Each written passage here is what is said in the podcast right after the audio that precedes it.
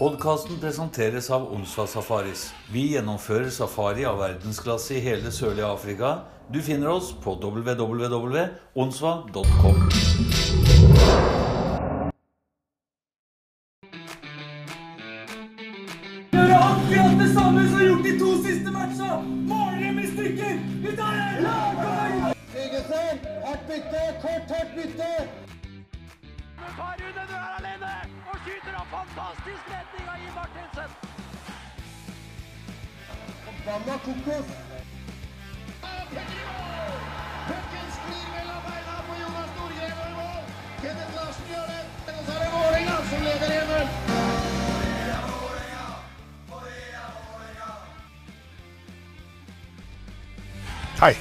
Da er episode nummer 39 på lufta, og jeg er fortsatt Odd Magne Doseth. Denne sendinga har jeg gleda meg til å publisere. Jeg har prata med spillere som har titalls sesonger i Vålerenga, rekke mesterskap. Nå er det ti for en som har skapt store overskrifter, og som de fleste som følger Vålerenga, har hørt om, uten at han har veldig lang fartstid. Vi skal høre om en innholdsrik karriere både i Norge og i utlandet. Vi skal snakke om oppvekst i Furuset, gode år med U20-landslaget, proffliv i Canada og USA, tre bra år med Vålerenga og episoden fra 1995 i Stjernehallen. Men ikke minst skal vi møte en ærlig og veldig bra person som beskriver klubben Vålerenga, spillekollegene og supporterne på en måte som alle vi som er glad i klubben vår, setter pris på. Stjernen trenger sårt poeng for å kjempe i toppen, og hjemmepublikummet gjorde sitt beste for å knekke gjestene psykisk. Mot slutten av kampen ble landslagsspilleren Tommy Eriksen fra Vålerenga utvist for slåssing. Det satte publikum pris på, men for Tommy Eriksen rant det over. Han slo kølla mot pleksiglasset til en spratt, og restene kastet han opp på tribunen. I hvert fall, i får be om unnskyldning, og ikke meningen. Tommy er egentlig en jævlig bra fyr. Ja, han er kjempe. Er er jo stor og sterk, men det er ikke noe ond- ondsinna voldsmann. Nei, nei, nei, verdens snilleste fyr. Kjempefyr. Dagens gjest har tre sesonger i Vålerenga. 54 seriekamper, fem mål, fem assist, 117 utvisningsminutter. Han er fra den gode norske 70-årgangen. Blei drafta av Hartford Whalers i 1990 i samme draft og i samme klubb som Espen Knutsen. Han har spilt i WHL og AHL. Og i tillegg til ishockey har han spilt amerikansk fotball for Vålerenga Trolls. Og da sier jeg velkommen, Tommy Eriksen. Tusen takk. Tusen, tusen takk. Det var hyggelig. Ja, Tommy, dette her har jeg gleda meg. Vi har forberedt oss litt. Og, øhm, og øh, nå får jeg helt sikkert noen meldinger. Det er, det er mye Furuset-spillere i poden din. Ja, jeg er jo gammel Furuset-spiller. Er der jeg starta. Begynte i Inger hockeyskole. Eh, og så har det gått oppover. Det har jo vært mange flere hockeyskoler. Det var jo bl.a. Eh, Kåre Syversen hockeyskole som hadde i, i Danmark. I Brønnbyhallen. Det også var stort. Der var jo Bjørn Botta. og Jeg husker Bjørn lærte meg og en som heter eh, Erik Pettersen om å skyte. Slagskudd. Det var, det var stort. Ja, ja. ja.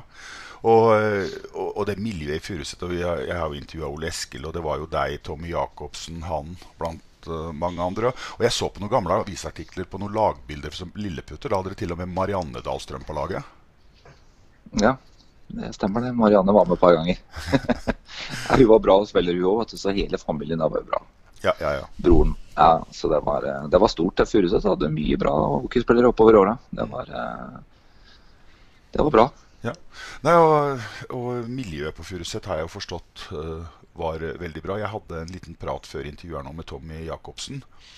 Han snakker litt om, øh, om deg som ja, snilleste gutten i gata, sier og masse empati. Men han sier også at du hadde to arenaer å spille på, for du var bra i hockey, men du drev også med breakdance. Ja, når hiphop-tida kom i var vel 84, vel, så var det, jeg ble jævlig forelska i noe som heter Electric Boogie. Det syns jeg var veldig moro. Så jeg, store mannen, drev med dette. det syns jeg var drit. Det var gøy. Ja. Lidenskap for det. Ja, og, og Tommy Jacobsen sier også at han øh, var en del av det, for han styrte musikken når du brei... Ja. Jeg hadde jo med meg til og med kassepelle på, på treninger og sånn. etter Så drev vi i garderoben. Det var flere på laget som likte dette her. Det, det var stort på den tida der, det. Ja. Em, dere som var på Furuset, eh, dere er jo samme årgang som vi i Vålerenga hadde. Stig Johansen, Marius Ratt eh, osv. Dere gjorde dere jo veldig bemerka, og vi skal snakke litt om ungdomslandslagstida. Men jeg har også prata litt med Ole Eskil Dahlstrøm, og han, si, han sier om deg at han er den, du er den eneste han vet om som skåra mange mål fra egen sone som junior, og at du hadde verdens hardeste slagskudd som junior. Ja, jeg skjøt hardt, det gjorde jeg. Eh, Det var jo en til på laget vårt som skjøt også innmari hardt. Det var Erik Pettersen. Mm. Han og jeg vi skjøt hardt, begge to. Eh, Han var løper, da. Eh, Men ja, jeg hadde et hardt skudd. Det hadde jeg. Trente du mye på de ferdighetene? Skulle jeg kanskje trent enda mer, så har jeg vært mer treffsikker, tror jeg. Jeg veit at det er en del sentre som, og løpere som har stått foran mål her, som har syntes har vært litt ubehagelig når den pucken kommer begynner å komme litt høyt. ja, ja, Det, det, det husker jeg. ja, ja. Nei, jeg, det er riktig, det. Men eh, vi, skal, vi skal- prate litt om eh, en del om dette junior-VM-et som gikk i, i Finland, var ikke det 89-90? Mm. Og der ser jeg bl.a. Eh, på noen gamle Arbeiderbladet-artikler at eh, Norge gjorde en kjempekamp mot Sverige. Det er helt riktig. Vi spilte kjempebra. Vi kunne nesten ha slått dem. Og du, du og Marius og Espen sto på eh, skåringslista og skårte de tre måla til Norge. Tapte 4-3. Og du skåra like, gjerne- like godt fra red line, var det sånn? Ja, jeg, jeg gjorde det. Eh, Så det, det var jo også at vi liksom Sverige sleit jo som fader med oss. Vi, vi var jo som sagt eh, Vi var et veldig bra lag. Eh, Vi kunne, litt som jeg sa i stad, vi kunne like godt ha slått dem. Fordi de trodde ikke Altså Norge er ikke akkurat kjent for å være en annen nasjon på, på det høyeste plan. Vi er jo alltid slite for å holde plassen vår. Og ja, nå siste ja, disse her eh, som var i VM nå, som kjørte sluttspillet. Men det er i hvert fall historisk messig da, så har vi aldri vært dødsgode i AVM. Men da holdt vi på å slå Sverige. Eh, vi slo jo USA det året. Det var et veldig bra lag. Eh, så, men klart, det var jo moro det å kunne score mot dem. Det var jo helt rått. Ja. Glemmer ikke det. Nei, nei, nei, og Tommy Jacobsen sier jo til meg at eh, skuddet gikk fra, fra rød, og, og, og han sier at spakhansen til Tommy Søderstrøm vrenger seg og pucken går i mål. Ja, det, det, det, det tenkte ikke jeg på, men jeg tenkte bare på at det var moro at jeg skåra. Det syns jeg var stort. At eh, Norge fikk et mål. Det var eh, Jeg hadde lyst til å vinne over Sverige med Norge. Det hadde vært uh, veldig kult. Ja, ja, ja. Og Tommy Søderstrøm var jo ikke noe smågutt. Han- fikk jo veldig mange kamper i, i NHL, bl.a. for Detroit. Ja. Ja. Det var my mye bra spillere i det VM-et der. Ja, Jeg sitter jo og ser på, på statistikken fra den kampen mot Sverige, og en av spillerne som skårte der, var jo Niklas Lidstrøm. Mm. Og jeg mener Niklas Lidstrøm han endte jo opp med over 1500 kamper eh, og 1100 poeng for Detroit over, Detroit over 20 sesonger. Så det, det, det, var, det var liksom ikke noe, noe smågutt. Nei, det var ikke. Og du ser jo Mats Sundin spilte der også. Mm. Så jeg husker det veldig godt. Jeg, jeg, jeg hadde jo en del krangling med han i, i den kampen, faktisk. jeg visste jo godt hvem han var, for han var jo første europeer som hadde blitt drafta nummer én over alle. Ja. Eh, ja. Så det han var uh, Det var liksom allerede derfor jeg visste jo Jeg spilte jo hockey, juniorhockey i Canada denne tida der, så jeg visste jo godt hvem han var. Og alle spurte om jeg visste hvem han var. Ikke sant? Jeg tror jo at eh, Sverige og Norge er nesten samme land, vet du, den tida der. så det så det var, Han lurte fælt på det, da, men eh, det, det var en veldig veldig fin tid. Altså, akkurat den perioden der. sånn. Men, men jeg, når jeg ser på dette, når du er junior, så er jo på sett og vis ting litt sånn mer uforutsigbart. For uh, Lidstrøm, du sier Mats Sundin, de endte jo opp som store NHL-stjerner. Men den som skårte mest mål i den uh, kampen, det var Patrick Ross, og han endte opp i Friske Asker. Mm. Så du vet aldri, sjøl om du er god som ung, om det blir Nei, Det er ikke noen oppskrift på det. Det er helt riktig. Så en annen ting som jeg så på det kampreferatet, var jo at uh, en som hadde to poeng i den kampen, var Patrick Englund. Og han havna jo opp hos oss i Vålerenga litt seinere på 90-tallet. Mm. Ja, men uh, Svenskene har, svenskene har jo mye spillere. da. ja, ja, ja, de har mye spillere. Ja. Mm. Så, men uh, det var også en bra begynnelse på kampen mot Sovjet. Og da utligna du til 1-1 pass fra Ole Eskil, men det blei et stort tap. Ja, vi tapte 12-2. Så vi, eh, jeg husker vi var veldig stolte når vi kom inn i første, første periode. Altså lå vi under 2-1 mot Sovjet. Det, så taper vi 12-2. Ja. Ja, nei, men, det, men, men vi, vi snakker om stjernene til, eh, til Sverige. altså Lidstrøm er jo kanskje bekken over alle bekker, eh, sånn som jeg ser det. Men, men Sovjet kom jo også med, med Pavel Bure, Koslov og Subov. Mm. Og det er liksom ikke noen smågutter. Her snakker vi liksom tre spillere som har 700 000 og 1100 kamper i NHL. Mm. Det var, eh, som sagt, det var utrolig bra. Mye bra spillere på det laget der. Altså, det er sikkert eh, mange av de som spilte altså sikkert Flesteparten av de gutta som spilte på det laget der, kunne ha spilt i NHL. Det det var mye bra spillere, altså. Mm, mm. Men det var jo heldigvis så var, det veldig mange bra spillere i Norge òg. Det, det syns jeg var stort. At vi gjorde det så bra. Ja, ja for dere, dere holdt dere jo et par år i A Eller holdt dere lenge i, i Dere holdt dere i AVM så lenge dere hadde den samme stammen. Mm, For, det er helt riktig. for det, var, det, det, var, det var jo liksom en stamme i laget av spillere født i 1970. Men, men Espen Hansen er ikke seg med sjøl om han er født i 72. Mm, ja, han var jo veldig Jeg husker, jeg husker første gang jeg spilte mot den, liksom. Jeg hadde bare hørt om den. Mm. Så begynner han å spille sammen med- Stig og Marius og dem. Så bare tenkte jeg å fy fader, han var god. Nei, jeg snakker om Espen, så blei jo du drafta i samme draft som Espen, og begge to til eh, Hartford eh, Whalers. Men da var jo du allerede i Canada og hadde begynt å spille juniorhockey. Og, og hvordan var det du havna i Canada? Åh, det er eh, ganske morsom, eh, det er jo morsomt. Det er jo det at det var jo en eh, canadisk spiller hos oss. Eller det var en canadiser som spilte i Furuset, som het eh, Rob Dorosek. Og en amerikaner som het George Thiele. Mm, mm. Og så skulle det være et samarbeid mellom MS og Furuset. Så jeg fikk jo beskjed om å gå til det MS-laget. For jeg var ikke god nok for, eh, for Furuset. Så sier eh, gutta til meg at eh, hvorfor reiser du ikke til Canada og spiller juniorhockey? Jeg bare hva? Juniorhockey? Jeg? Ja, du er en stor spiller. Bra på skøyter. Skyter hardt. Dette er noe for deg. Ok. Jeg gikk litt og tenkte litt på det og prata litt med, med folk som som sto meg nære. da. Og så eh, ble vi enige om at jeg dro til, eh, til Prince Albert. da. Jeg hadde jo aldri hørt om dette i det hele tatt. så jeg husker Vi hadde en kontakt med, med Prince Albert, så sa hun det at eh, kom gjerne på, på tryout, men du må betale turen din sjøl. Mm. Så jeg, jeg jobba jo som snekker, da, så jeg hadde jo penger. da, Så jeg kjøpte jo flybilletten min. Dro over og fikk lov til å bo gratis hos en familie. da, eh, som, som liksom tar, Det er sånn de juniorspillere bor hos familier i Canada og USA. Mm. Som tar vare på spillere, for at de tjener jo ikke godt som juniorspillere. Så eh, kom jeg over dit, og da er det liksom såkalt uh, sommerhockey. da, For det er liksom ikke noe sånn organisert uh, sommertrening som vi har her i, i Europa. Mm. Det har kanskje blitt det nå, da, for det er jo lenge siden jeg har vært i det miljøet. Men uh, da var det jo ikke det. Da spilte de jo bare hockey, for det var is i hallene nesten hele året der borte. vet du. Mm. Så da kom jeg inn i Prince Albert. Det er ikke så stor den eh, byen. Den er vel 30 000 mennesker som bodde der. Og så liten hall. Tok vel, jeg husker ikke, 3500-4000 kroner mennesker. Mm.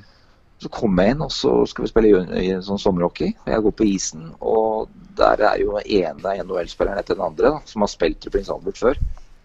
Eh, spesielt en som heter Dave Manson. Mm. Han, han eh, spilte i Chicago. Han har vært til og med assisterende trener i Prince Albert faktisk mange år etterpå. Om han har trent, vært assisterende trener for, eh, for Jonas Knutsen, som spilte i Vålerenga. Han Ja. har jo spilt der sjøl, to sesonger. Ja, riktig, riktig, riktig. riktig. Ja, det har vært litt, det har vært litt kult å snakke med han om, eh, om, om hans opplevelser i Prince Albert. For jeg hadde det superbra der. Så det, for meg så var det en kjempeherlig periode. Så Rocky-perioden gikk over, da. Og så begynte treningsleiren. Og så en uke ute i treningsleiren så kommer coachen til meg og sier han at eh, Tommy, eh, vi liker det vi ser. Eh, Fortsetter du å spille sånn som det er, så kommer du til å bli drafta. Og jeg bare hva? Jeg hadde ikke kommet med Furuset engang. Jeg satt jo på benken hver eneste Ja, det var så vidt jeg fikk lov å skifte. Mm. Så jeg bare ja ja, tenkte jeg. Men jeg kom med på laget, da. Og så gikk jo sesongen, da. Det var jo utrolig tøff. eh, Det er utrolig tøft å spille hockey i Canada, i hvert fall. Så mange kamper. De spiller 72 seriekamper. Og så er kjørt med buss, så det er liksom ikke noen små avstander der borte. Mm. Så ble jeg ganske lei av å kjøre buss, kan du si. Men du blir vant til det òg, da.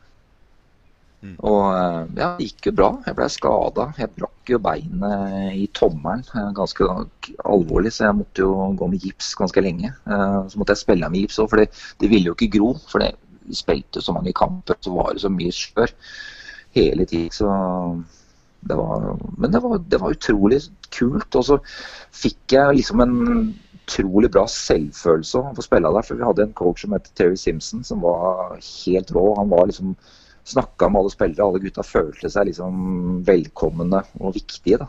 Mm. I hvert fall jeg, for jeg trenger en sånn person som passer på meg. liksom på en måte. Ja, ja. Viser at man er interessert i hva jeg driver med. Mm. Så det var utrolig kult. Og så var det liksom agenter og sånn som kom på matcha og begynte å snakke med meg og sånn. Og det bare Hartford hadde aldri snakka med meg. Jeg hadde snakka med Chicago, og så hadde jeg prata med Calgary og Edmonton, husker jeg. Eh, eh, så Nei, det var utrolig kult, altså, den, det, året der. Det var en herlig sesong. Mm. Og så når jeg fikk komme på landslaget òg, så var det jo enda mer morsomt. Det var jo dritkult. Ja. Men, men du- reiste altså sjøl, du betalte billett sjøl, du hadde ikke kontakt med agenter før du kom til eh, prins Albert og de begynte å ta kontakt med deg? Du gjorde alt Nei. på egen hånd? Ja, det var Rob Borusek som kjente Jeg tror han kjente en assisterende trener som het Rob Dome. Jeg tror, jeg, jeg Ja. tror det var han han kjente. Ja, ja. Så bare hadde, jeg bare, har bare sagt at vi har en spiller her fra Norge som har lyst til å komme bort og prøvespille. Og da hadde han bare sagt ja, betaler den turen sin sjøl, så kommer han. Kan få lov til å prøvespille. Så kan få lov til å bo her gratis. Mm, mm. Og jeg tenkte bare ja, det gjør jeg med glede. Fordi jeg vet at jeg kan alltid komme tilbake igjen til Norge. Mm, mm. Var det stor forskjell å komme til eh, Canada? Jeg, jeg, jeg kjenner jo veldig godt eh, Bård Sørli og, og Anders Myhrvold. Og det har jo vært noen historier om juniorligaen og det harde fysiske spillet med mye slåssing og sånn. Var det helt Texas, eller var det mer normalisert for deg?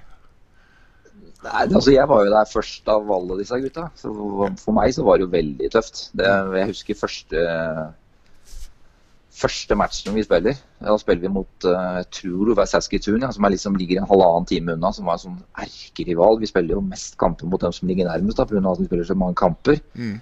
Og det var jo første som skjer, er når droppen går, er at uh, sentra begynner å slåss. Så jeg bare wow. Så nei, det var, det var, jo, det var jo sånn at vi varma jo ikke opp sammen. Mm. Det fikk vi jo ikke lov til. Og så var jo spilleboksa var jo ikke ved siden av hverandre. Hvis de var ved siden av hverandre, så var det jo ganske stor forskjell imellom. Det er som store glassbur, Mm. så du kom jo ikke inntil hverandre. Så det ene laget tjente varme opp før det andre laget. Og så takker vi aldri for kampa. Nei. Det var, det var strengt forbudt, for da var det slåssing. Jeg husker når jeg ble trada til eh, Spokane Chiefs året etterpå. Da hadde vi en uh, coach som het eh, Brian Maxwell. Han var ordentlig tøffing og spilte i NHL. og ordentlig, Han var en ordentlig tøff Han var tøff, altså. Han var, han var en, liksom en eh, enforcer. Han eh, slåss jo med treneren til motstanderlaget. Ja. Gutta slåss i dress på kampen. Ja, ja. Men, men, men blei du tildelt noen form for rolle, om det med å spille fysisk eller være litt sånn politimann? En forser? Nei, nei, egentlig ikke. Jeg blei det året etterpå, når jeg, eh, når jeg blei Jeg kom tilbake fra, fra laget. Altså, jeg kom tilbake fra Springfield og skulle spille i, i, eh, i Prince Albert igjen. Jeg håpa på det, men så ble jeg trada til en annen klubb. Mm. Og da forventa de seg at jeg skulle være det. Eh, Jeg hadde jo ikke vært det året før. Jeg sloss litt, men ikke sånn der ekstremt mye. Vi hadde to stykker som var jævla tøffe. De var jo ordentlig enforcer begge to. Så de hadde liksom den rollen. Jeg bare takla hardt jeg, og sto opp og gjorde det jeg fikk beskjed om. Mm. Fordi at, jeg kan si det sånn at Når du slåss så mye som de gjør, Mm. det er ganske vanskelig. for at du skal, du, Det er ikke bare slåss for at du skal slåss, for det, det gjør noe med deg mentalt. vet du. Mm. Det er jo liksom, Du skal jo liksom ha litt aggresjon og sinne, men de klarte også å gjøre det uten å være sinna. Det syns jeg var så rart. Det klarte ikke jeg. Jeg, jeg ville ikke slåss hvis jeg ikke var sinna. Nei, Nei det, skjønner, det skjønner jeg godt. Ja. Men de gjorde det pga. at det var en del av jobben deres. da. Så, men når jeg, når jeg kom i, når jeg ble trada til Spokane Chiefs, så var det jo bare Jeg spilte 27 kamper før jeg dro hjem derfra. Og da hadde jeg ja, Jeg hadde ikke så mye, men jeg hadde 90, over 90 minutter, tror jeg. Noe 90-100 minutter. Utvinningsminutter. Ja, Hendene mine så jo ikke ut, og trynet mitt var helt rått. Det var jo Ja, eh, du får juling og gir jo. Det, det, var, altså, det var mange som Vi hadde jo en som het på, I Spokane så hadde vi en som heter Terry Toporowski. Han hadde, jo- hva han hadde for noe? 500 minutter eller sånt på en sesong. Han var jo ordentlig Han var tøff, han. Mm. Så Nei, det var mye tøffe spillere. altså. Men, men, men du var i Spokane eh, med et håp om å komme tilbake igjen til Springfield og AOL og etablere deg der? Mm. Det hadde jeg. Jeg var veldig innstilt på det. Men eh, jeg mistrivdes så utrolig mye. Fordi som sagt, jeg er en person som er veldig følsom. Så jeg trenger folk som eh, backer meg opp og trenger støtte og sånn. Jeg hadde jo ikke noe støtte hjemmefra. For eh, jeg er oppvokst med en far som eh, var litt for glad i, i alkohol. Og mutter'n som var gift men hadde jo nok med seg sjøl. Så jeg hadde jo ingen som kom bort og støtta meg opp eller noen ting. Jeg var bare meg. Mm. Så, så jeg var veldig avhengig av det. da, og Det var jo derfor jeg hadde det så trygge rammer i, i Prince Albert. fordi familien jeg bodde hos, de var jo, tok meg jo til som en sønn. Mm. Og så fikk jeg jo spilletid, og jeg trivdes utrolig bra der. Så ja, så det, jeg mistrivdes så utrolig i Spokane. Eh, Det var synd egentlig, fordi jeg kasta bort et mulighet, så kanskje kunne jeg gjort det bra. Men eh, sånn var det. Ja, så, så det, betyr at, det. det betyr at hvis du hadde fortsatt i Prins Albert i stedet for å, å, øh, å bli treda til Spokane, så kunne du kjempa mer for å få komme tilbake på en plass på Springfield og, og kanskje etablert deg mer i å, nei, i AHL for å ha en sjanse til å gå videre, for du var jo bare ung. Mm. Det kan du godt si. Men ja, som sagt, jeg kunne jo heller ha tenkt at eh, jeg kom til et superbra lag, da, Spokane Chiefs, som, mm. som vant Memorial Cup det året. Vi hadde jo et kjempebra lag. Vi hadde jo to sånne superstjerner som heter eh, Ray Whitney og Pat Falloon. Begge to spilte jo mange år i NHL etterpå. Så skulle heller ha vært mye sterkere eh, psykisk. Eh, Da hadde jeg sikkert klart å etablere meg der også. Hatt det mer morsomt der. For jeg, jeg mista jo gløden på å spille hockey vet du, når det blir sånn. Mm. Du vil jo bare hjem, ikke sant. Ja, Tommy, du blei drafta, og etter draften så var det klar for å dra til Hartford på, på treningcamp. Kan du ikke si litt om det? Jo, det var jo Jeg husker jo veldig godt eh, når jeg fikk det brevet fra Hartford at jeg skulle ned dit på treningsleir. Ble kalt inn til det og skulle ned dit. Og, Espen var jo drafta samme året. Eh, Jeg håpa på at han skulle dit òg, men så fikk jeg vite etterpå at han, han kom ikke. Jeg veit ikke hvorfor, men eh, jeg og Espen vi var jo liksom ikke noe Vi prata jo ikke mye sammen, vi, så jeg visste jo ikke om at han ikke kom før jeg kom dit sjøl. Og når jeg kommer ned dit til Hartford, da, så er det jo liksom første introduksjon er jo liksom at eh, at eh, vi må være veldig forsiktige med, med alkohol og, og damer og alt mulig sånn. For det var jo i hotellrommet så var det jo Damene visste jo at eh, gutta som spilte NHL, hadde jo penger. Så da fikk du bare beskjed om at eh, ikke ta med deg damer på rommet og sånn. Det var sånne ting. Jeg bare Hva? Hvor er dette her kommer fra? Og så ikke bruke alkohol, for det kan bli tatt feil gjennom media. Sånn. Jeg drakk jo ikke, så det var jo ikke noe problem for meg. Og så kom vi da ned dit, og jeg møter da Ulf Samuelsson, da, som da spilte for Hartford. Og så Mikael Bo Andersson, som også spilte for Hartford. Og jeg kommer og introduserer meg sjøl som nordmann, og den bare ser på meg bare Hva? En nordmann? Så jeg fortalte at jeg spilte juniorhockey da i Canada. Og ja, velkommen, og det er kult og alt mulig sånn. Og i den samme seansen så plutselig så kommer en, en eldre kar bort til meg, så sier han eh, eh, Gordie Howe. Jeg bare Gordie Howe?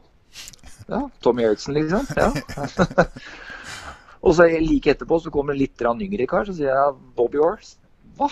det er to legender da, som er da der nede i den derre uh, treningsleiren. Hvorfor de var der, det er jeg litt usikker på, men de jobba da i Hartford sin organisasjon. Og jeg veit jo at eh, Gordie var jo spilt for Hartford. Mm. Eh, mens Bobby Orr spilte jo for Boston Bruins, og jeg skjønte aldri det. Men eh, jeg husker jo hvor stort det var. altså Håndhilste på dem to. Det var jo, tror jeg bare drømte jo nesten. Det var, da var det jo ikke sånn mobilopplegg sånn som er i dag, så jeg kunne tatt noen selfies og sånn. og Det hadde jeg jo lett gjort da, men det fikk jeg jo ikke gjort. Den, den hadde Så vært på Instagram var, i løpet av et kvarter. Ja, ja. Så det er jo stort å få lov til å hilse på to legender da, fra NHL. Så Nei, jeg tenker på Gordie Howe. Hvis ikke jeg husker feil, så øh, hadde han rekorden, poengrekorden i øh, Eller var det kamprekorden i øh, NHL helt til Gretzky tok den.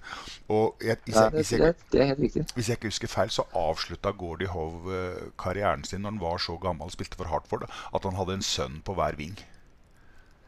Ja, det, vet du hva, det er jeg ikke helt 100 sikker på, men jeg vet at de, de var, i hvert fall var der. Jeg, jeg, i hvert fall, det var jo stort at han kom tilbake. Han spilte jo uten hjelm. og Han var jo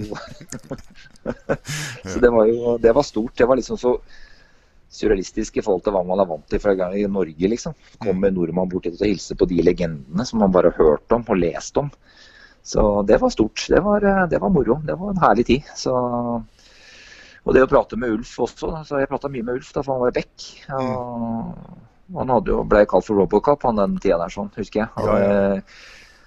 og jeg skjønner jo hvorfor. For, at, eh, vi, for når du kommer inn i treningsleiren, så er jo vi som er førstereis og dem som er på farmlag, alle trener jo sammen. Og da spilte vi jo treningskampen mot hverandre, for det er jo sånn de tar ut laget. Mm.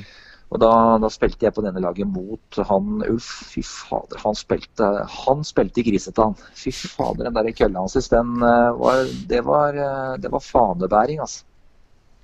Ja, riktig. Det, ja. Men han var tøff, da. Han takla jo alt. og Han var ikke redd noen. og Fy fader, han sto på, altså. Så, så jeg da Jeg så jo opp til sånne spillere som det, så jeg ville jo gjerne gjøre det bra sjøl. Så jeg, jeg fikk jo to treningskamper med Hartford mot uh, New Jersey Devils og Boston Bruins.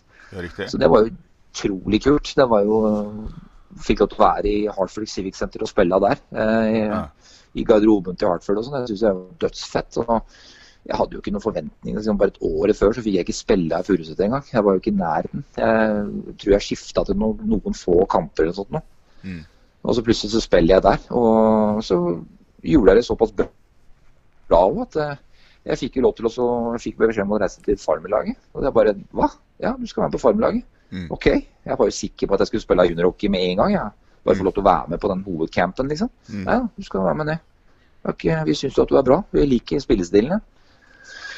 Og da ble jeg jo sendt til, eh, til Springfield Indians da, og var med der. Og da Det går jo bra på treningskampene der også, så vil de at jeg skal Da er nesten hele laget tatt ut. Det er bare meg og et par stykker til som bor igjen på hotellet. For det, de andre spillerne som eh, kommer på laget, får da får beskjed om å finne et sted å bo.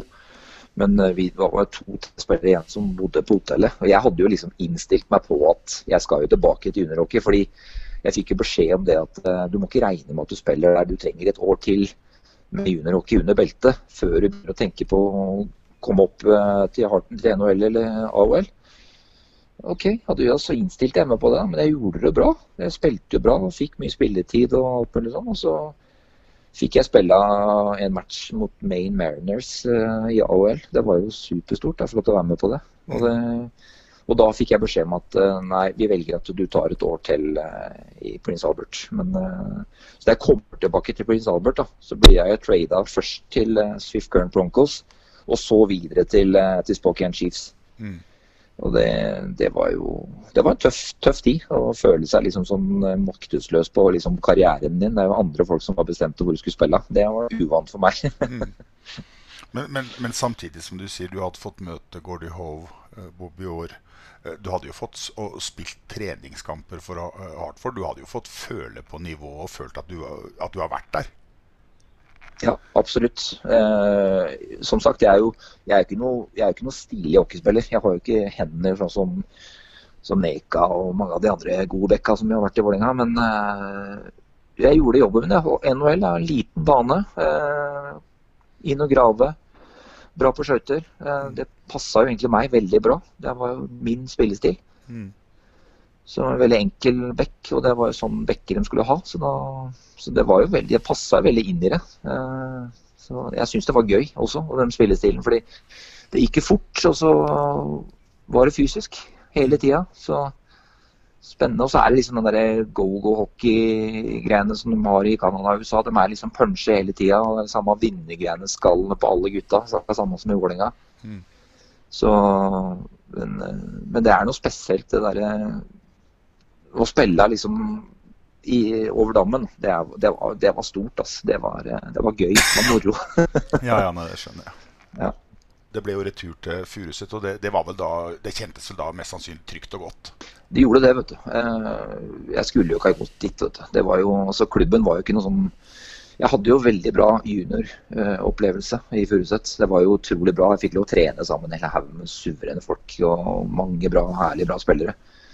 Men eh, klubben i seg sjøl var ikke noe begeistra for meg. Eh, det var jo ja, I hvert fall ikke treneren. i hvert fall Det endte jo opp med at jeg, jeg og treneren ikke ble noen venner. Så Jeg gikk jo derfra i fullt sinne og ja, bare surkål. Så jeg gikk jo til Vålinga jeg da.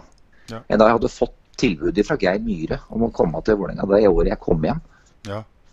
Så Geir ringer meg og spør om jeg vil komme til Vålinga. Men eh, det angrer jeg på. fordi når jeg først kom til Vålerenga, så skjønte jeg hva vinnerkultur var. i hvert fall. Det, jeg hadde liksom hørt så mye negativt om Vålerenga som er gammel Furuset-gutt. Ja. Ja, og så liksom får du liksom aha-opplevelse når du først kommer ned på Jordal. Eh, fantastisk gjeng. Det er vinnerkulturen i Vålerenga. Det, er- det skal du lete lenge etter. altså. Ja, det, Det har ikke jeg opplevd før. i hvert fall. Det er godt å høre, for jeg vet jo at du ble tatt godt imot i Vålerenga. Men når du spilte på Furuset mot Vålerenga, da var du ikke så populær. Nei, klanen var ikke noe veldig glad i meg. Nei, jeg husker deg og Brian Tøtt. Det er helt riktig. Ja. Nei, jeg- altså, jeg, jeg var jo en fysisk spiller, jeg òg. Jeg Ja, var jo bra ja, ja. på skøyter til å være så stor. Jeg klarte å bevege meg ganske raskt. Og, og min forside, jeg hadde jo ikke, jeg hadde jo ikke noe bra drillehender. Jeg hadde jo grus i hanskene. Eh, Jeg skjøt hardt og bra pasninger. Og så kunne jeg stoppe folk. For det defensivt, det hadde jeg lært meg i Canada. Jeg skulle stoppe folk, og det, det kunne jeg. Det var jeg flink til. Mm. Det, så, det, så, så Espen og Marius og Stig og alle disse gutta her sånn, de fikk jo alltid gjennomgå. Det, jeg kom jo, så, så fort de begynte å nærme seg meg, så skulle jeg ta dem. Det var jo min Hvis jeg kunne få lov til å stå opp i midten og takle den på åpen is, så hadde det vært en drøm. Det var det jeg ønska. Ut i rundvant og grave. og Det var ikke noe stilig spiller. Jeg var jo ikke det. Jeg gjorde bare jobben min. Ja, ja, ja. Så, men det er, men det, det er jo sånn uh, man blir elska av hjemmefansen og hata av motstanderne. Altså, du har jo spilt sammen med Øystein, og vi har jo hatt Øystein i alle år. Og det er jo nesten hver eneste ishockeyspiller i Norge har jo hata han, men de har respektert den. Og alle klubber ville gjerne hatt den på laget. Helt absolutt. Det er jo han, Det er, eh, det er Guffen-spiller, det. Fy fader. Han, det er ikke noe kult å ha. Han er vanvittig herlig å ha på laget sitt. Mm. Altså, det, Der også snakker vi den derre vinnerinstinktet. Det er liksom Gir seg aldri. Mm. Liksom tror han skal liksom Nå, nei, nå ser Øystein sliten ut. Nei, han kjører på. Ja, nei, det er riktig. Men eh, overgangen til eh, Du gikk fra Furuset eh, til Vålerenga. Men de, den sesongen så var det jo veldig mange spillere som gikk fra Furuset, for da var det jo både litt problemer med økonomi og Ja, Furuset fikk en, en nedtur som alle klubber får. Og, men det var, det var du og Cato Tom Andersen som gikk til Vålerenga, var det ikke det? Jo, det er riktig. Så, men, men hvordan var det da å liksom pakke bagen fra Furuset og komme ned på Jordal eller Spektrum? og hvor- hvor- Hvordan var det å komme inn i miljøet? Gikk du rett inn? Ja, altså, det var, Jeg følte meg velkommen med en gang jeg kom ned dit. For jeg hadde jo spilt med mange av gutta på, på kretslag og, og landslag fra jeg var liten. Så jeg har jo alltid snakka med spesielt 70-generasjonen. da. Mm. Så, så jeg følte meg velkommen med en gang jeg kom ned. altså. Så det var ikke noe problem. Eh, Det var jo tatt hjemme åpne armer, så det var Nei, det føler man, det, altså, man føler seg velkommen med en gang man kommer inn i Vålerenga. Mm. Det er liksom ikke noe, det er liksom ikke noe klikker som holder sammen, liksom. Og du er liksom, kommer inn, så kommer inn. Det syns jeg var stort, i hvert fall for min del. i hvert fall. Jeg følte meg veldig velkommen. i hvert fall. Ja. Så jeg ble overraska at det ikke hadde gått før, egentlig. Eller jeg tenkte det. Faen, hvorfor gikk jeg ikke hit før? ja. Men, men du fikk jo også en trener som jeg veit du liker, og en trener som likte deg. Og Geir Myhre har eh, Ja, han, han hadde trua på deg. Ja, han hadde veldig trua på meg, for jeg fikk jo lov til å være med på landslaget òg på den perioden. Så eh, han hadde veldig trua på meg. Jeg, jeg møtte jo Geir Myhre i første gang eh, når jeg fikk beskjed om å gå til MS før jeg reiste til Canada. Og da hadde han jo en sånn assisterende sånn sommertrenercoach som heter Tom Moen. Og før jeg reiste til Canada, da, så trente jeg så mye med dem. Vet du, for Der gjenspeiler seg hvordan jeg er da, som spiller. Jeg gjør alt jeg får beskjed om. Og jeg trente så hardt det året før jeg reiste til Canada at jeg ble overtrent. Jeg glemmer ikke når jeg kom til sjefen min med sykemelding på at jeg var overtrent. Han var jo så gæren på meg for at jeg hadde ble sykemeldt for at jeg var overtrent.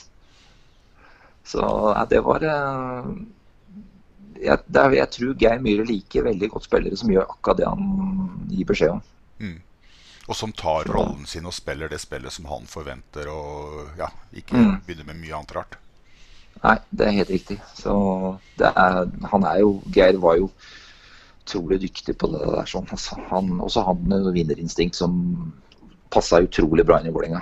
Så ja, det var, var moro å spille under Geir. Så, Dessverre så fikk jeg ikke så mange år sammen med han. da. Men eh, Jeg fikk lov til å være med på landslaget, men, i hvert fall, men jeg fikk jo aldri noe VM eller EM eller OL. Det fikk jeg aldri. Det ble jo den der eh, episoden min, så da ble jeg jo slutta jo. så da ble jeg aldri. Men det var gøy så lenge det varte. ja, ja, ja. Og så mm. spilte du jo sammen med mye bra folk, altså spillere i, i Vålerenga. Du kjente jo allerede disse fra 70-generasjonen. Eh, Marius, som vi har prata om, Espen eh, eh, osv. Men så hadde du også du, du spilte jo en del back sammen med Neka, gjorde du ikke det?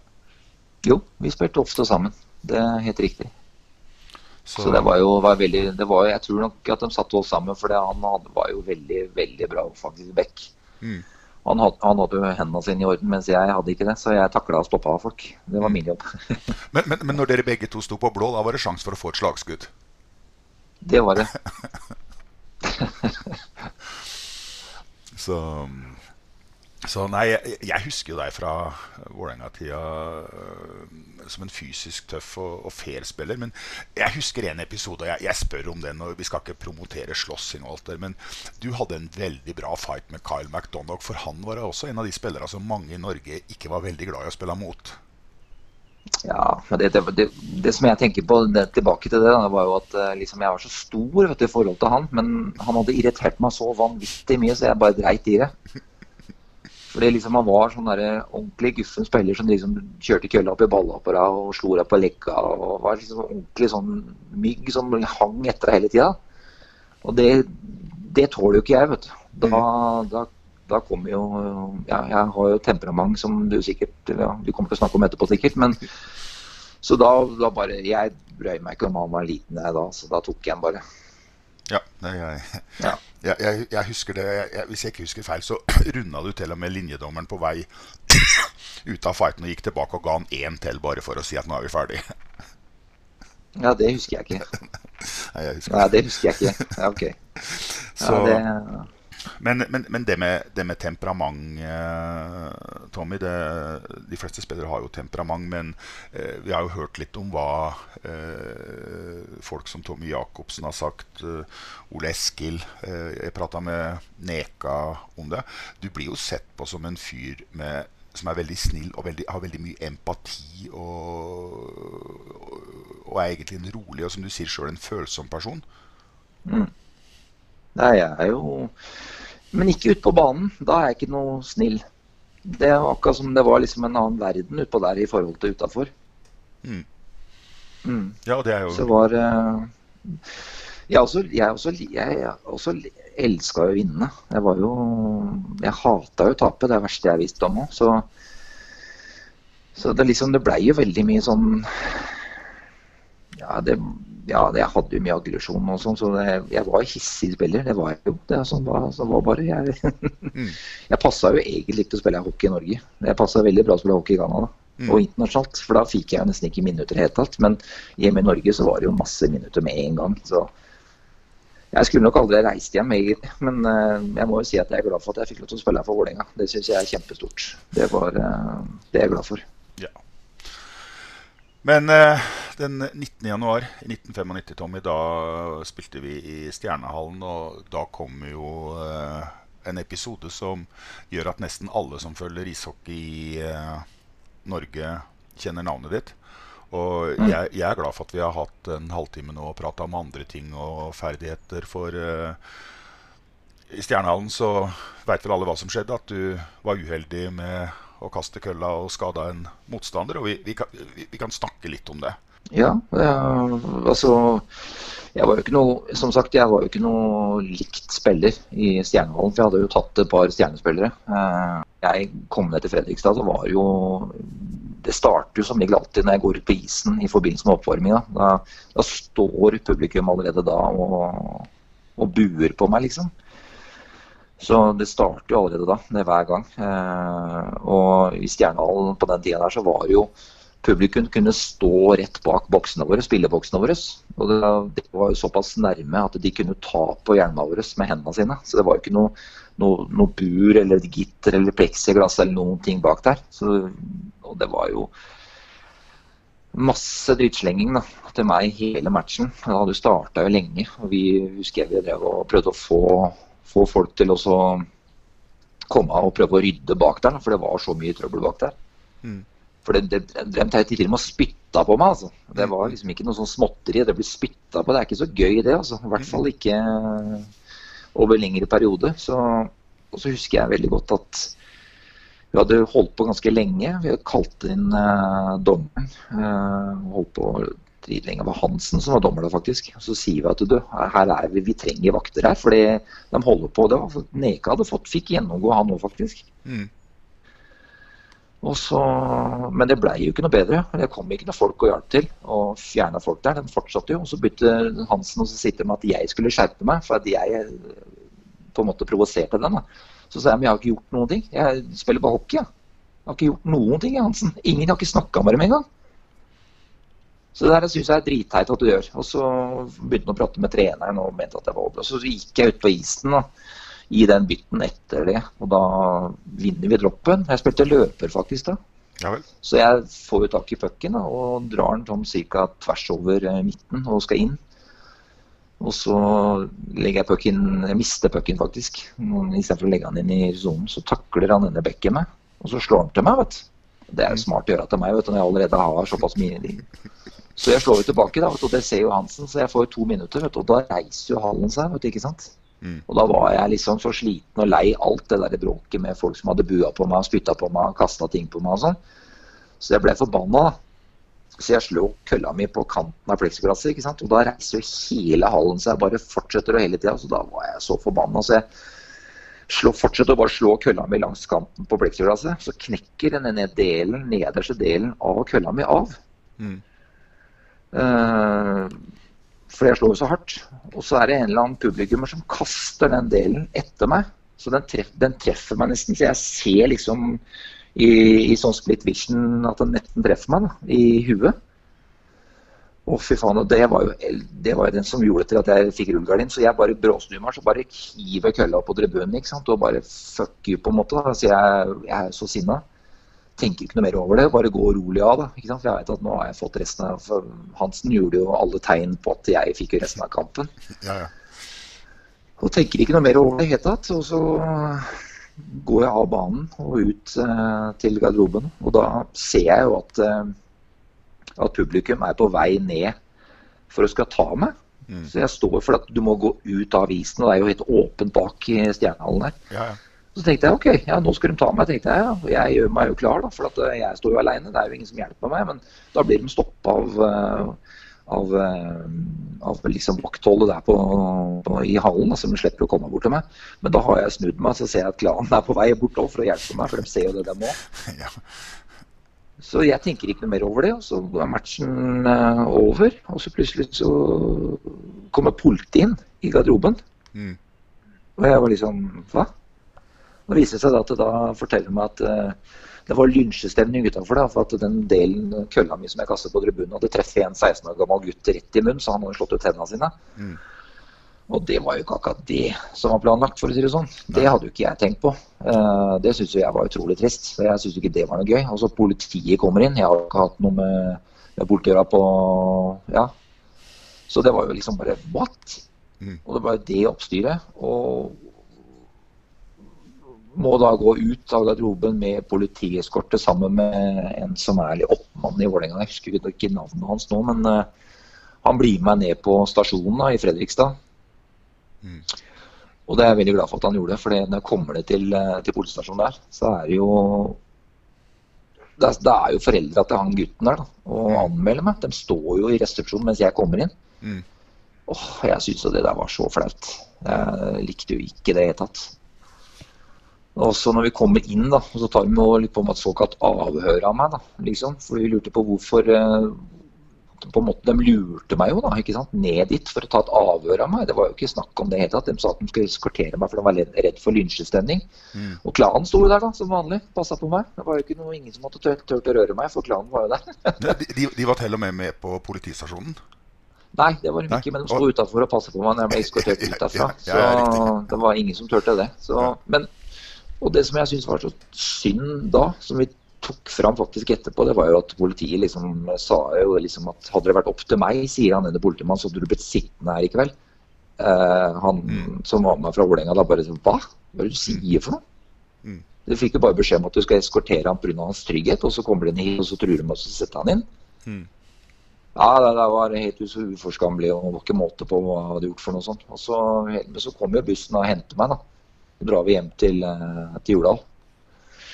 Og da begynner det. Da får vi beskjed med fra banemannen at eh, det står jo det pressekorpset og venter på meg.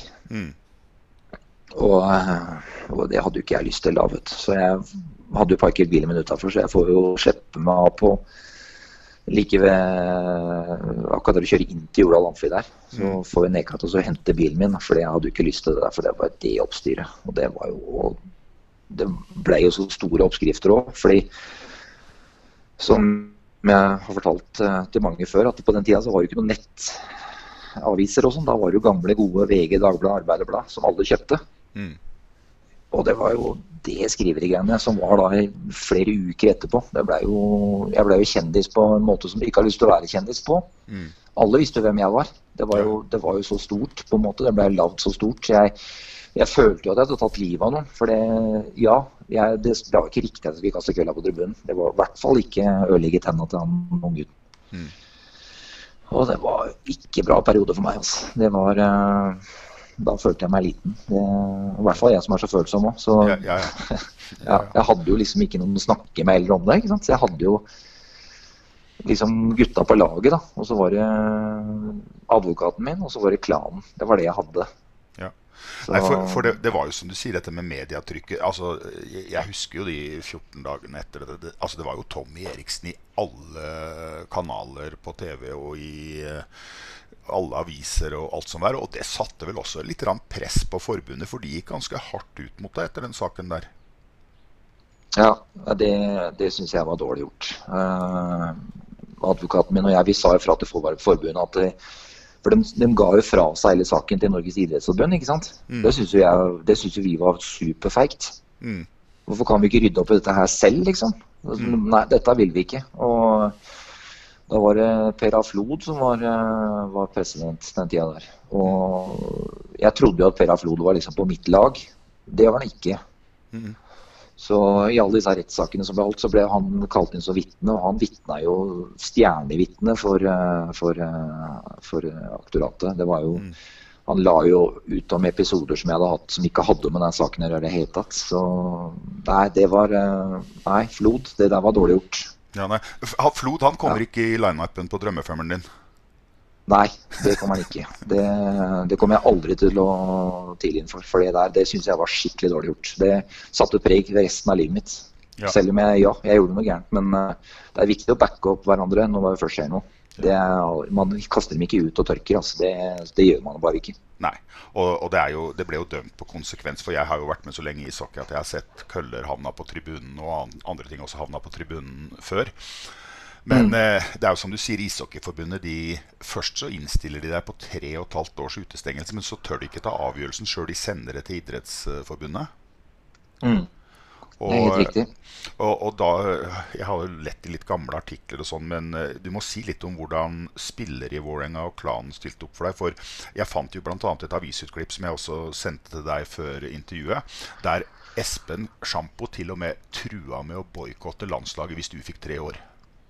Ja, det, vet du hva, det hadde jeg glemt at han hadde gjort det. Eh, Det var stort. altså jeg, Gutta var jo så ålreite og backa meg opp 100% Det var utrolig bra. Og klanen, ikke minst klanen, de ringte meg og Ja, det var eh, utrolig bra. Så Fy fader, da følte jeg meg aleine den perioden her. Eh, spesielt dette med Ishockeyforbundet som bare kasta meg rett ut sånn. Det var forferdelige greier, altså. Men eh, Nei, fy faen, gutta. Det var, de stilte opp. Det var utrolig bra. Så vi ringte og spurte åssen jeg hadde det. og Kom ned på treninga og pratet med oss. og var, var utrolig bra gjeng. Altså. Fy fader.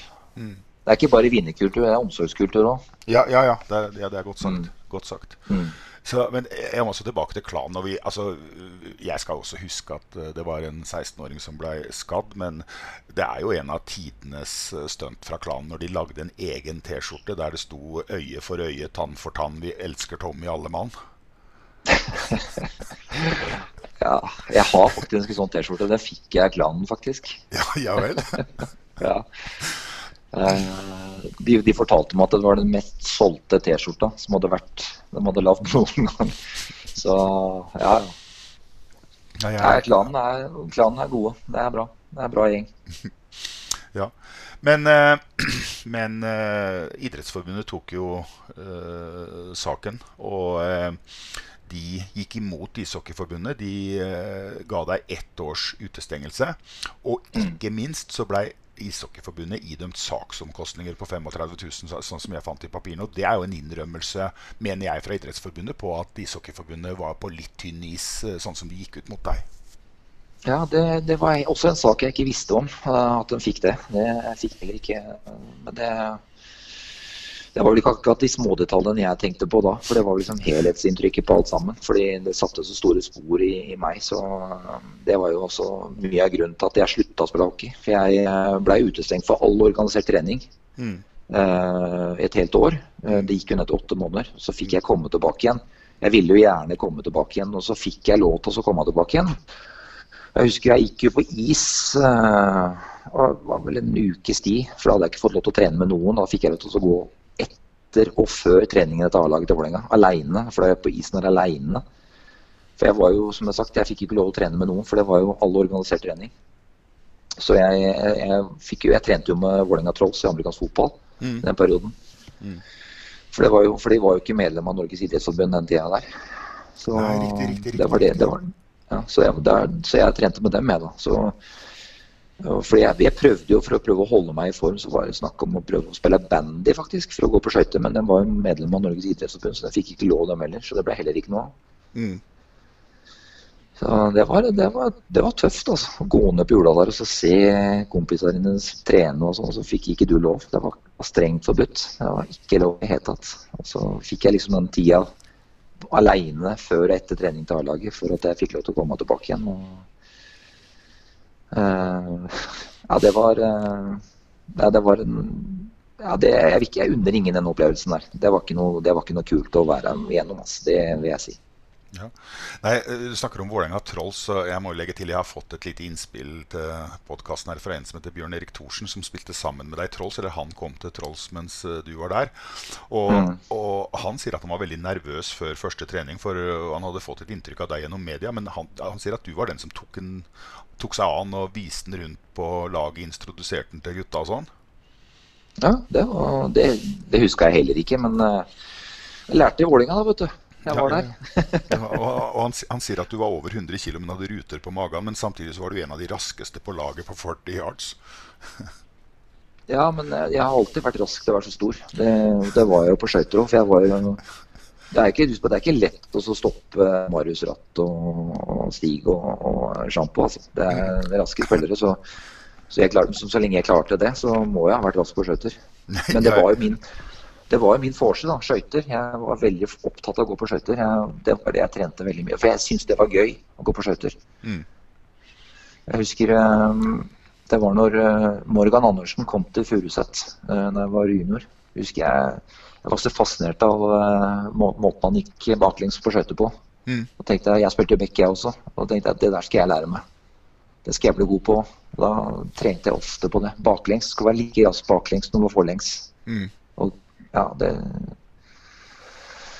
Og så var Jan Roar Fagerli, husker jeg også. Mm. Og så syns jeg er bra. Mm. Og Nordstrøm også husker jeg var en veldig bra spiller. På, spilte, var bra på skjøter, som jeg så opp til. Mm. Mm. Så da ble jeg opptatt av det, jeg også. Mm. Mm. Så hva- hva syns du tilbake til amerikansk fotball? Hva syns du om å spille amerikansk fotball? Ja, det var kjempegøy. Var det? Det var også en veldig bra gjeng, vet du. Det var jo Jeg var jo en gammel Vålerenga-spiller som spilte der òg, som er hovedtreneren vår, som heter Christian Arnesen. Ja, ja, Christian Arnesen husker jeg. Ja, han var jo helt uh, bra coach. Uh, han, uh, jeg lurer på om ikke han var drafta òg, jeg. Ja, det er mulig. Eh, ja. ja, han var jo Han, han slutta i Vålerenga og spilte amerikansk fotball, han. Så Så det også var moro. Ja, nei, Det var, det- det- det- Jeg kan jo si at mm, Nei, jeg, jeg visste ikke at Christian Arnesen var engasjert i, i Trolls, men jeg, jeg husker han som hockeyspiller. Ja, nei, han var hovedtreneren vår. Mm. Trolig Han er sånn også engasjert 100% Treningene og fy faen, vi filma og så på filmer hele tida og titta på spill og sånn. Han, eh, vi spilte defense sammen. Han spilte linebacker, og jeg spilte defensive end. Mm. Så, så det, var, eh, det var moro. Eh, Det som er litt sånn rart å tenke på, som ikke jeg visste om før jeg begynte å spille amerikansk fotball, det var jo at eh, jeg har liksom møtt NHL-stjerner og tøffinger og takla og alt det greiene der sånn, og syns det har vært hardt. Men det å takle i amerikansk fotball For den tida der så fikk du lov å takle med hjelmen. Det er jo forbudt det nå pga. hodeskader. Mm, mm. Fader, de taklingene som du fikk i amerikansk fotball, det smalt altså i forhold til hockey. Det kan jeg si deg. Mm, mm. Mm. Men det var vel godt også å ha, når du var utestengt, å ha et miljø å trene med, og spille kamper med, og oppleve litt garderobe og sånne ting? Ja, absolutt. Det er helt riktig. Det var uh, veldig bra miljø i Trolls den tida der. Det var uh, kjempegjeng. Mm. Så det var mye bra folk. Så det var, gikk jeg fra det ene bra miljøet til det andre miljøet, så det var sikkert derfor jeg blei der så lenge. òg. jeg, jeg spilte til og med i 98, da var siste året jeg spilte. Mm, mm. Mm. Nei, det, det, er, det er bra. Jeg vil også legge til at den utestengelsen av deg kom jo på et veldig uheldig tidspunkt. For du hadde jo blitt en bærebjelke i Vålerenga. Og du, også, du var også i ferd med å skikkelig etablere deg på A-landslaget med Geir Myhre som trener. Ja, Geir var veldig glad i meg, fordi jeg gjorde nok akkurat det jeg fikk beskjed om. eh, til 100% Fordi jeg har jo alltid vært sånn. At eh, Tommy gjør sånn, så gjør jeg det. Mm. Så ja. Og så ga han meg jo tillit òg. Jeg er jo sånn som er noen tillitsspiller. Hvis du viser noen tillit til meg, så blir jeg ikke usikker. For jeg har jo alltid slitt med prestasjonsangst. Jeg har jo aldri trodd at jeg har vært bra nok. Så utenom den perioden som jeg var første året mitt i Canada. For det, da, det var jo et fantastisk eh, hockeyliv, den perioden der. Så det var, da hadde jeg det bra. Veldig bra. Mm. Så jeg er veldig veldig opptatt av det at jeg trenger folk som backer meg opp, og ikke støtter meg vekk. For da blir jeg dritusikker, og da, da blir jeg dårlig. Eh, Sånn er det. Ja, nei, det er ikke uvanlig, det. Eh, eh, Tommy, jeg, jeg pleier jo ofte å snakke om eh, gode og dårlige minner eh, fra Jordal. og vi, der, vi blander ikke inn den der Stjernehallen-episoden, men du fortalte meg For jeg trodde jo at Stjernehallen-kampen var den siste hockeykampen du spilte for Vålerenga. Men du fikk tre kamper, eh, finalekamper, mot Storhamar i 96. Kan, kan du ikke si litt om det? Ja, da, da er det vel faktisk Da kan jeg vel si at det er vel både den, den beste og dårligste opplevelsen på Urdal. Ja. Eh, den beste opplevelsen på Urdal det er vel når jeg kommer tilbake etter det har vært stengt ute nesten et helt år, og klanen tar meg imot når jeg går ut på isen da. Det, det var stort. Det var, det var utrolig stort. Fy fader, det, var, det er gåsehud ennå. Eh, så mange år etterpå. 96, altså. Og vi er i 2021. Ja, ja. Ja, ja det, var, eh, det var utrolig stort. Altså. Fy fader, det, da følte jeg meg så velkommen. Og så den dårligste da, det er jo at vi taper tre strake mot Storhamar. Mm. mm. Ja, nei, det Det, det var minnet. Eh, som alle andre som er i podkasten, Tommy, så uh, spør jeg deg om å ta ut en uh, drømmefemmer. En keeper og to backer og tre forwards som du har spilt sammen med i Vålerenga. Oi. Ja, det er jo, det er jo Gimmer'n er selvskreven, da. Gimmer'n var, var utrolig bra. Uh, og så Bekker. Atle Olsen. Uh, jeg sier Pål Kristiansen, ja. Ja. Mm. Ja, på, ja. Det, Pål er også samme årgang som deg, er han ikke det? Jo, han er 70. Vi har spilt mot hverandre før vi var små. Kretslag og landslag fra vi var små. Ja. Nei, men Da har du jo Atle og Atle og Pål, det er jo greit. Men da har du, da har du to sånne toveisbekker og sånn, så du tar vel noen bytt sjøl og graver litt i rundvant og hjelper til litt? ja, jeg, har aldri sett på meg som en sånn der superstjerne, jeg. Men, eh, fordi jeg har aldri vært en stilig hockeyspiller. Så, men, eh, men det er liksom Ja, jeg, jeg syns de var gode. Det er klart Eh, Jon Magne også var jo god, da. For fader, han var jo, selv om han hadde en skøytestil som var veldig spesiell, så var han jo god. Han ja, ja. gjorde en fantastisk jobb. Mm. Og, og, og, og, du snakka om deg sjøl som, som, spiller og back, men Jon Magne var ikke noe særlig prega av prestasjonsangst? Nei, absolutt ikke i det tatt. Det er helt riktig. Han hadde selvtillit. ja. Løpere, Tommy? Ja, det er jo det er sjampo i midten.